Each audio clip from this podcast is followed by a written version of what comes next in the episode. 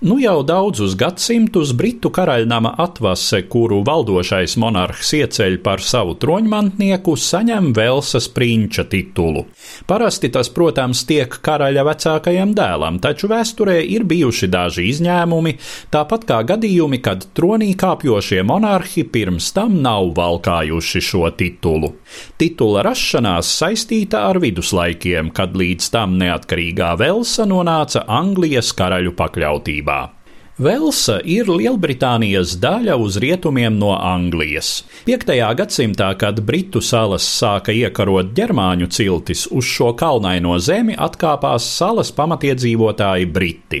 Ap 7. gadsimtu robeža starp anglosakšu un velsiešu zemēm nostabilizējās aptuveni tur, kur arī mūsdienās ir Velsas austrumu robeža, un palika nemainīga līdz 11. gadsimtam. Taču 1066. gadā gadā Angliju sev pakļāva Normandijas hercogs Viljams, saukts iekarotājs. Velsas pierobežā viņš izveidoja tā dēvēto velsiešu marku, piešķirot šeit zemes saviem ietekmīgākajiem vasaļiem un ļaujot viņiem pēc patikas paplašināt savus īpašumus uz velsiešu rēķina. Nākamo simt gadu laikā šiem markas baroniem bija izdevies iespiesties Velsas dienviddaļā. Tālāk uz ziemeļiem gan velsieši joprojām sīksti tur turējās savos kalnos. Te atradās spēcīgā Gvinedas zeme, kura centās ap sevi konsolidēt pārējo normāņiem vēl nepakļauto Velsu. Gvinedas valdnieks Owains Gvinets 12. gadsimta vidū kā pirmais latīniski dēvējās par princeps Valencium, velsiešu princi. Velsiešu valodā gan tika lietots tituls Teuesog, kas drīzāk nozīmē vadonis. Owaina mazdēls Dafits ap Liuelins ap 1244. gadu kā pirmais pieņēma Velsas prinča titulu, savukārt viņa dēla Liuelina ap Grifida titulu atzina arī Anglijas karalis Henrijs III un Romas pāvesta legāts. Liuvelinam gan nācās zvērēt uzticību karalim Henrijam, taču tas bija drīzāk savienības, nevis pakļaušanās līgums, un Henrijs pat atdeva Velsietim atpakaļ dažas agrāk iekarotās teritorijas. Tomēr Liuvelins arī bija pēdējais patstāvīgais velsiešu valdnieks. 1272. gadā miermīlīgo Henriju III Anglijas tronī nomainīja agresīvais Edvards I.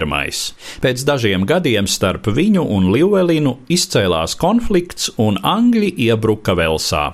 Velsieši pretojās sīksti, taču 1283. gadā princis Liuvelīns ap Grifits kaujā krita, un tas izšķīra cīņas likteni. Viņa brāli, pēdējo Velsas princi Dafidu ap ap Grifidu Angļi sagūstīja un sodīja ar nāvi kā uzticības zvērsta lauzēju.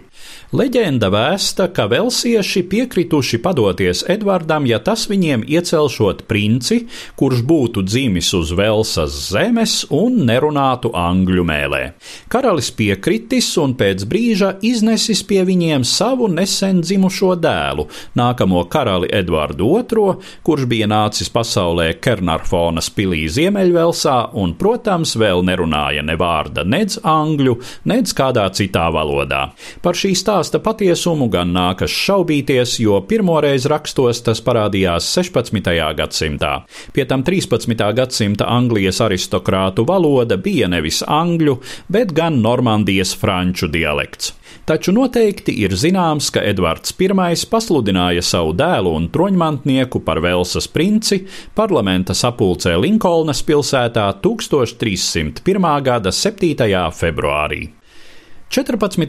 gadsimtā velsieši vairāk kārt sacēlās pret iekarotājiem, un vairāki Gvinedas valdnieku pēcnācēji sevi pasludināja par Velsas prinčiem, taču nevienam no viņiem neizdevās laust iekarotāju varu. Velsa gan vēl vairākus gadsimtus palika no Anglijas saurupa prinča zeme, kas allaž tika piešķirta troņmantniekam. Un arī pēc tam, kad 1536. gadā to iekļāva Anglijas kroņa zemēs, Angļu un vēlāk Britu monarhi turpināja iedibināto titula piešķiršanas tradīciju.